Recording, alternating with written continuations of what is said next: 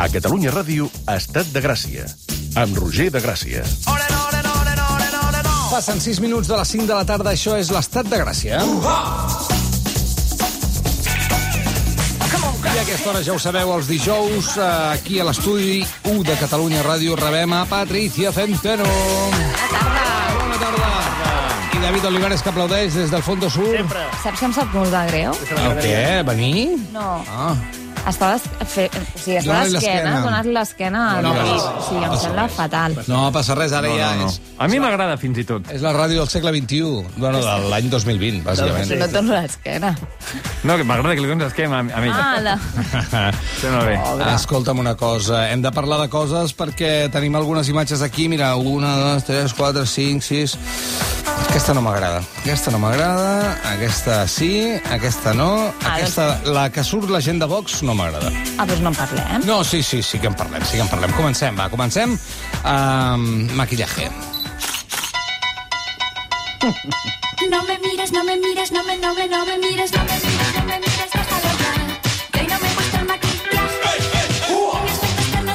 cançó tampoc t'agrada gaire, no? Sí que m'agrada, La, però... ten, la tens fastiguejada, ja. M'inquieta, m'inquieta, perquè què vol dir? Que sense maquillar no, no és res, no és una dona ni és res. Em sembla fatal el missatge. I a més en aquest país que moltes dones no es maquillen. No sé. Aquí? Aquí? I molts homes tampoc.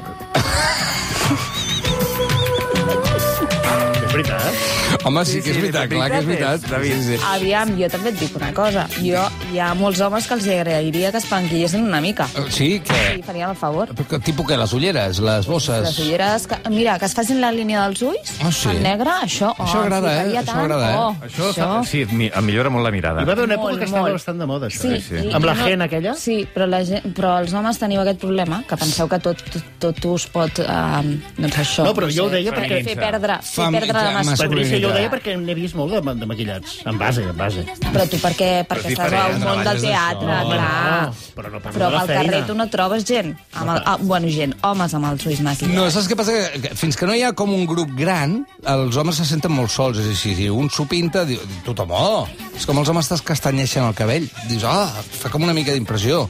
Si ho fessin més gent... Ja, però també hem També de diferenciar... malament, eh, hem perquè de deixant tot de diferenciar negre, així. el que et pot afavorir i el que no et pot afavorir. Mm. És a dir, clar, és que normalment els referents que tenim d'homes tenyits doncs és això, o sigui, no ho fan del tot bé. Sí, fan una capa de Titan Lux i la cosa no, no queda molt bé. No és el eh? Just Forment. No. Escolta, ahir era el Dia Mundial contra la Violència de Gènere, coincidint amb la celebració, una diputada de Podem, Nayara Dabó, va publicar un vídeo a Twitter dient això. Hubo un elemento que se convirtió en símbolo feminista y antifascista, el pintalabio rojo. En 1912 se convirtió en símbolo de rebelión y lo popularizaron las reconocidas ultralistas Stratton y Perkins tras manifestarse delante del salón de cosméticos de arte. Hitler odiaba el pintalabio rojo. El pintallavis vermell, que a vegades també es confon aquesta cosa de la lluita feminista amb no portar res eh, que sigui propi de... No de... l'he no l'he entès gaire bé. Què deia? És que estic gran ja. Bueno, home, Parlava de, del escolta, pintallavis vermell com a símbol podcast. de... Resistència Ok. anti, uh, contra els nazis i després doncs, com un símbol fem- feminista contra la repressió. Aviam, l'estètica i la indumentària normalment sempre s'ha vist, i sobretot sobre el, uh, per part del feminisme i amb tota la raó del món, com com un símbol d'opressió. Mhm. Però també és cert, i jo fa molts anys que faig campanya sobre això, que la indumentària i l'estètica, igual que es pot ser un gest d'opressió, també pot ser d'alliberament. Mhm. val? I en aquest vídeo jo suposo que ella el que volia ressaltar és això, o defensar això. Eh, crec que no ho va acabar d'explicar del tot bé o no estava molt ben informada, vale? però igualment crec que és un vídeo que, que va triomfar bastant perquè, perquè es va fer viral, no? I el que feia era fer un remake, remake o una versió d'un altre vídeo que també s'havia fet viral i d'una pràctica que té Alexandria Ocasio-Cortez, que és aquella sí. congressista dels Estats Units tan joveneta, que ella sí que des del seu Instagram i des d'altres xarxes socials i fins i tot va fer un tutorial fa un, un mes i mig per la revista Vogue en la que eh, doncs això, s'estava maquillant, t'ensenyava a maquillar-te o quins eren els seus trucs i, eh, i la seva, eh, els seus costums de maquillatge, però també et parlava del feminisme i de la política. És a dir, maquillatge, feminisme i política. Que al principi et pot semblar que no té res a veure, però té molt a veure, no? I doncs aquesta noia de Podem, o aquesta diputada de Podem, el que intentava era fer una mica aquesta versió o, o, o aquest remake, no? I amb el pintallavis vermell és cert que eh, doncs, ella explica la, la Debò, que és una, la portaveu d'Unida Podem a les Corts Valencianes, explica que Hitler no li agradava. Aviam, això no, No és agrada el pintallavis vermell? no és exactament No? així. Clar, no els agradava... Totes les dictadures no els hi agrada el maquillatge. És a dir, això al, a Hitler, a Stalin, Mao, Ceausescu, etc etc etc. Per què no els hi agrada? I sobretot, per exemple, el pintallavis vermell. Doncs el pintallavis vermell eh, serveix perquè, eh, clar, les dones quan ens excitem, i els homes també, però sobretot les dones, ens entra aquest rubor no? a les galtes Mm. i A mi als llavis. Doncs Sí, sí, sí. s'intenta imitar. Per atreure, s'intenta imitar això. I doncs, al llarg de la història sempre s'ha fet servir aquest color una mica més eh, vermellós Mm. per, a, per maquillar-se la cara. I això, per una banda, sí que crees atracció o seducció cap a l'home, però també és un símbol de poder. I, per tant, a les dictadures això mai els hi ha agradat. Hi ha una dictadura, també, que podríem afegir, afegir que és la religió. És a dir, el catolicisme i l'islamisme també estan en contra del maquillatge, sobretot del llapis eh, vermell. Per què? Perquè per ells és sexualitat Claro. i la dona hauria de renunciar a aquesta sexualitat. Perquè la i per dona és d'un home i no pot estar temptant els altres homes que són febles, pobres, i no poden aguantar-se. Llavors, si la dona està ensenyant coses, està temptant el veí. Clar, doncs aquesta, eh, aquesta diputada de Bo ens deia és que al principis de 1920 algunes feministes es van rebel·lar contra això. Aviam, el tema era que llavors eh, es pensava que la gent que es maquillava els llavis, que es posava eh, lipstick eh, vermell als llavis o es pintava les ungles de vermell, eren prostitutes. Mm. Perquè realment el que estaves intentant era atraure els homes. Per tant, la significació, l'associació cultural era aquesta. I doncs moltes dones feministes van començar a maquillar-se d'aquesta sí. manera. Molt bé. Després, el 1940, durant la, guerra la Segona Guerra Mundial, Churchill el Sí. que fa Es és no prohibir, no Ah. prohibir els pintallavis vermells i fins i tot quan s'alliberen als camps de concentració, que això és al·lucinant, s'envien aliments i pintallavis vermells. Mm, carai. I les dones, i hi ha molts autors que en aquell moment d'alliberament diuen com veies aquelles dones Clar. Estirades que no es podien ni aixecar, mm. però agafades a, una, a, una, a un pintallavis mm. vermell. I jo sempre recordo una entrevista que li vam fer a Neus Català que deia que, clar, que el pitjor d'entrar al camp de concentració era que et robaven la identitat. Mm. Et tallaven els cabells i et treien la teva roba. Mm. Doncs, per tant, ja eres només un número. Doncs aquests autors expliquen això, que aquelles dones el que necessitaven era tornar-se a reconèixer elles mm. com a dones. Sí, per tant, sí, la sí. importància històrica del pintallavis vermell. I després, fins i tot en economia, es parla de la teoria del pintallavis. I ara mateix l'estem visquent. Això passa quan hi ha una crisi, puja la venda de pintallavis vermells. Per què? Perquè és un producte, eh, tres productes en un. Serveix pels llavis, mm. serveix com a coloret per les Mhm. galtes i, a més, com a sombra d'ulls. Mm -hmm. Per tant, puja les ventes. Carai. Al febrer, en comparació... Però quantes coses saps dels sí, pintallavis? Sí, és que n'hi ha un munt, eh? Jo, i, I acabarem aquesta, però n'hi hauria no. per un programa sencer.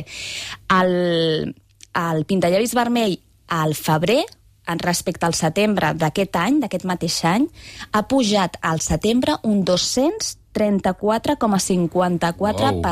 les ventes. Però si I això que anem amb mascareta. Això, clar. Per tant, no ens maquillem per semblar guapos als ulls dels altres, sinó que ens maquillem perquè ens pugi a nosaltres l'autoestima. I jo mateixa, com moltes altres, el que fèiem era que moltes estàvem soles a casa i jo em vestia i em maquillava. No em maquillava per ningú, em maquillava per mi mateixa. No? I crec que això també s'ha de respectar i s'ha d'explicar. Mira, ara m'ha vingut al cap, eh, perquè estem molt enganxats amb el tema del segrest de, de la Feliu i he sentit tots els programes. Eh, una de les coses que més va valorar la Maria Àngels Feliu, i ho explica en un moment donat, és que li deixessin unes tisores per tallar-se els cabells. Sí.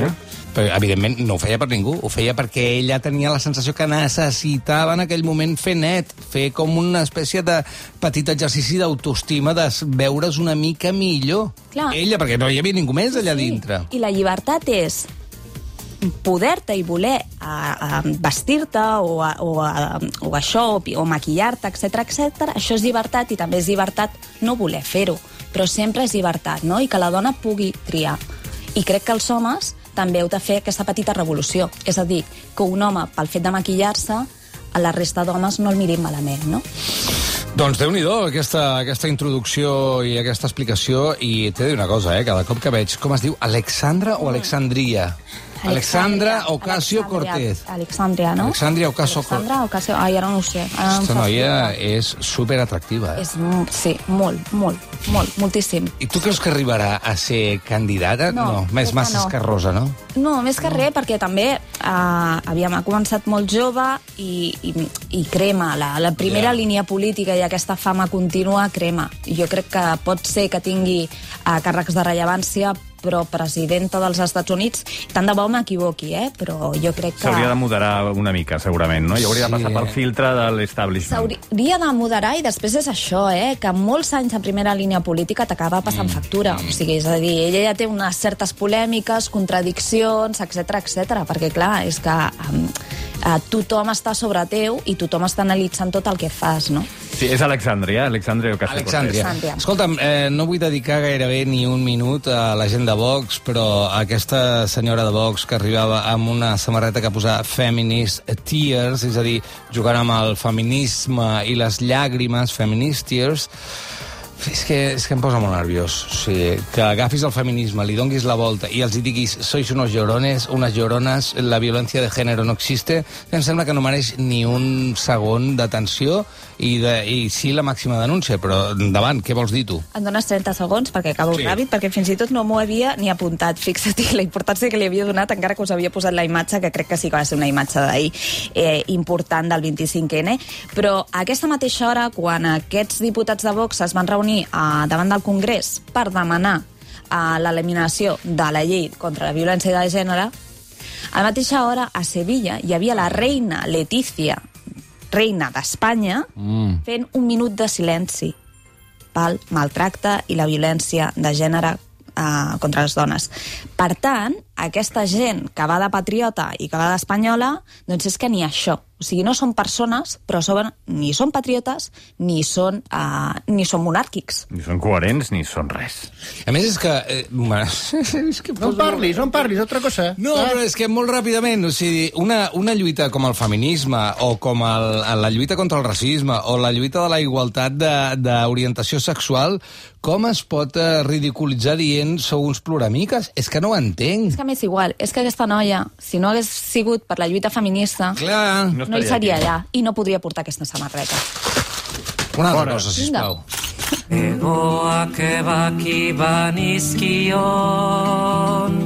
Neria izango zen Parlem d'un altre diputat, Jon, Jon Iñárritu de Bildu, a qui aquesta setmana hem pogut veure al Congrés donant, eh, condemnant un atemptat d'ETA i donant el condol a un diputat de Vox per l'assassinat del seu fill. Sí, us explico la, les imatges, eh? com, com ha anat tot el contingut visual. Uh, aquest diputat de Vox uh, coincideix amb el diputat de, de Bildu i doncs aixeca una fotografia on es veu uh, doncs, l'atemptat del seu fill, no? i li retreu. Diu, això és el que vau fer com a banda terrorista. Doncs eh, el diputat de Bildu agafa la paraula al seu torn i el dedica a condemnar i a demanar perdó. I aquí el gest de portar-se la mà al pit, que és doncs, portar-se la mà al cor, no? Sinceritat absoluta, i no és tan maco el gest que fa Iña, eh, Iñárritu, mm. sinó el que provoca, perquè el que provoca és insòlid, i és que aquell diputat que té, un, que té la desgràcia d'haver tingut un fill guàrdia civil assassinat per la banda terrorista ETA, en aquell moment comença a sentir amb el cap, mm -hmm. a dir que sí. Mm -hmm. És en el moment en què Iñárritu li diu, independientemente de lo que yo piense, sobre su, su formación, que seguramente és lo mismo que usted pensarà de la mia. I en aquell moment, aquell home comença a sentir amb el cap dient que sí, és a dir, ac accepto que no ens posarem d'acord, però accepto també les teves disculpes, no? Mm. I jo crec que això sí que és important. I molts cops entrem en el debat de si cal o no demanar perdó sobretot Vox, no? que va en contra de, de, la, de la memòria històrica i tot això. Jo crec que és molt important i molt sa, sobretot molt sa, demanar disculpes. Hagi passat això fa 5 minuts, 30 anys o dos segles. Mm -hmm. No passa res per demanar perdó i sobretot que sigui sentit. Doncs un sol gest que va ser posar-se la mà sobre el cor mm -hmm. va provocar que un diputat de Vox pogués eh, intentar empatitzar amb la persona que li estava dient que ell defensava el mateix eh, quan va ocórrer aquell, a, aquell assassinat, que el condemna, però que continuarà lluitant per lo que ell creu, no? Ara que parlaves d'això de la importància de demanar perdó, sobretot les persones que són figures eh, públiques i els polítics, ahir mateix Aznar va dir tot el contrari. Va dir, los que no estamos dispuestos a pedir perdón no somos políticamente correctos. És a dir, a sobre es va fer el xulo amb aquesta qüestió. Sí, és un tarannà també de, he de dir que crec que, que està que- quedant per, per sort en, ha, ha estat totalment fora de, de test perquè realment és un lideratge molt heteropatriarcal, no? És de... Eh, Uh, si jo demano disculpes, em presentaré com un líder clar. vulnerable Sí, i dèbil, sí, no? sí. I crec que ara estem en un altre moment, no? I estem en una transició i és molt difícil definir el que serà el lideratge femení, però crec que el gest de demanar disculpes és molt femení, no passa res, no perdem. I Cap- t'enforteix. De fet, és molt digne demanar Sí. perdó, no? Eh, I crec que amb aquest gest que va fer Iñárritu i el que va aconseguir, no? que un diputat de Vox fins i tot l'escoltés, Mhm. però a més el reconegués, jo crec que, que, que és una prova molt vàlida. Entre ells dos, segurament ahir es va generar un moment d'empatia. Faltaria veure... Eh, que ja de sobte ja m'estic imaginant eh, companys de Vox dient-li a aquest senyor que s'ha estopat massa, saps què vull dir? O, o no ho van ni entendre, eh? Ja. També et dic, o sigui, aquest home, a part de sentir amb les mans, s'anava intentant acariciar les mans. Per ell era un moment molt dur, mm -hmm. perquè era recordar la- la- l'assassinat del seu fill. I s'estava com intentant tranquil·litzar i calmar, però és que les paraules i el to triat per Iñárritu acompanyaven aquest dol. També diré una cosa, eh? eh aviam quan eh, certes formacions també accepten que estem, un, en una altra etapa, dos, que gent que no estava directament vinculada amb aquestes accions, però que eh, podia simpati eh, tenir certes simpaties o que tingués algun contacte, és que ja van demanar i han demanat perdó. Quantes vegades cal demanar perdó també perquè tu canvis la teva manera de veure aquesta formació No, i i, no la relacionis amb ETA directament, perquè estem una mica cansats de Bildu igual a ETA. No, no, i... i, i, i que és una- és una tàctica enllà, política, eh? Perquè Bildu ETA, però jo també podria parlar de Soegal i de Vox PP i fins i tot Ciut- Ciutadans franquisme. Sí, per bueno, tant, hauríem d'estar tots clar. demanant disculpes. Ara, jo ho agraeixo i fins i tot ho recomano, que tothom es pugui demanar perdó. Doncs vinga, va, va, va, vinga. Ah, mira la que contenta està, eh? Ara sí, eh? Aquella cara de pànic, eh, de les, dels primers mesos, dels primers dies que, que feia Melania Trump, us en recordeu? Que la gent deia, està demanant eh, socors amb la mirada, no? Que feia així com que algú em salvi, hi havia com unes imatges, no? Però i ha passat quatre anys amb una cara de pal, traient-li la mà amb aquell senyor. Ara sembla, no sé com està el tema, sembla que es volia divorciar, no sé si ho tira endavant o no ho tira endavant, però ara Aviam. se la veu somrient. per, pel que sabem, no? d'alguns periodistes, etc etc que han escrit algunes, uh, alguns llibres parlant de la relació entre Melania i Donald Trump, hi ha un contracte pel mig. De fet, Melania va trigar moltíssims mesos a anar a, a viure a la Casa Blanca perquè es veu que no es posaven d'acord en la quantitat que havia de cobrar com a primera dama. Uh, doncs això pot ser un motiu pel qual hem vist a Melania Trump rebre un arbre de Nadal, que és el típic que reben cada any, a la Casa Blanca, però és que no somreia amb la boca. I a més, és que el somriure amb la boca de Melania sempre és molt tens, no? És aquella mirada de sempre estàs sospitant alguna cosa, mm. no? Molt intensa, però és que somreia amb els ulls. Ah, és, és que, que és brillaven els ulls. Mira, mira, No, no l'he vista, però estava pensant... perquè S'ha de somriure amb els ulls. És que és la primera vegada... Si és sincer, somrius amb És els que és ulls. la primera vegada en molts anys que veig aquesta senyora somriure Bueno, no l'havia i vist. me la crec. Jo no Sí. l'havia vist mai somriure amb els ulls. Doncs, aviam, diversos motius... Roger de Gràcia s'aixeca, li Perquè passa la hagi- fotografia a David Olivares. Ai, ara ha semblat un partit de futbol. Bé, doncs hi ha diversos motius pels quals podem eh, pensar doncs, que, que Melania somreia.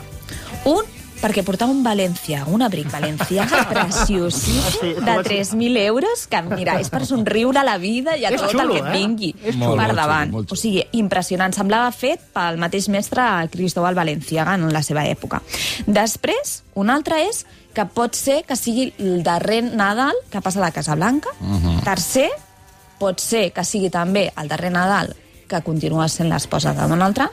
I quart, que aquell dia no s'havia posat Botox. Perquè, clar, amb el Botox també costa somriure. I aquest somriure tan, tan, tan sincer, no sé si és que ha deixat, igual que el seu marit ha deixat de tenyir-se, potser ella ha deixat el Botox. Com, el, com el veus, aquest somriure de la Melania, David? El veig estupendo. M'ha fet interessar-m'hi, mira. En quin sentit? Què vols dir? No, vull dir que aba- abans eh, la, la veia, quan la veia les fotografies al costat del Trump, pensava, pobreta, pobreta, Sempre pobreta. tenies aquesta Veia sensació, violència sí, de sí. gènere a tope, saps? Sí, veia, sí, impressió, veia, eh? Veia cosa molt estranya, segrestada al segrest. Sí, sí, una miqueta, una miqueta. I aquí se la veu I se la natural veu, i tranquil·la. sí, perquè ja sap ella des del primer minut 1 que ja ha perdut els, les eleccions del Trump, per tant diu, d'aquí me'n vaig ja. Sabeu que tinc moltes ganes de que sigui 20 de gener tant. Mm. per veure la investidura, per veure què passa. Farà, si, algun, farà un últim número. si va, si no va, si assisteix o no assisteix. No, pot pot no anar-hi? Salaré. Eh, pot no anar-hi? I tant. I tant que Parles pot no anar-hi. Hauria d'anar. Hauria d'anar a la investidura. Està obligat, gairebé obligat, Ah. però eh, també a fer una transició pacífica. Mm. O sigui, hi ha moltes coses que està obligat i no les ha fet. Jo el que estic esperant és aquella, aquella entrevista que fan, no sé, allò una llar de foc, es posen el, el, el que surt i a l'entrant, no? Mm -hmm. Ah, sí, això ho fan sempre? Sí, bueno, de fet vaig veure unes imatges a, per les xarxes de l'Obama amb el Trump, de l'anterior amb l'anterior, allò que es fan, es diuen, hola, mira, aquí hi ha les claus, aquí hi ha la llum, aquí hi ha... Sí, aquí fan hi ha el traspàs de, de poder. Els sí, ploms. Sí. Els ploms, que va a 220. Fan el traspàs de poder. Jo crec que no, Donald Trump no, no farà aquest tipus de, de cerimònia ni de ritual i trencarà doncs, això amb una tradició històrica de la Casa Blanca i dels Estats Units, Ai, però no sí. me la imagino, és que no me la imagino. Ai, ai, ai. Va, I, escolta'm, eh, aquesta és l'última de les imatges. Ens quedem amb una imatge amb una, amb una certa alegria. Teníem ganes de veure aquesta senyora una mica contenta. La veritat, ens fa contents. Patrícia, una abraçada, A gràcies. vosaltres, gràcies. Estat de Gràcia. De 4 a 6.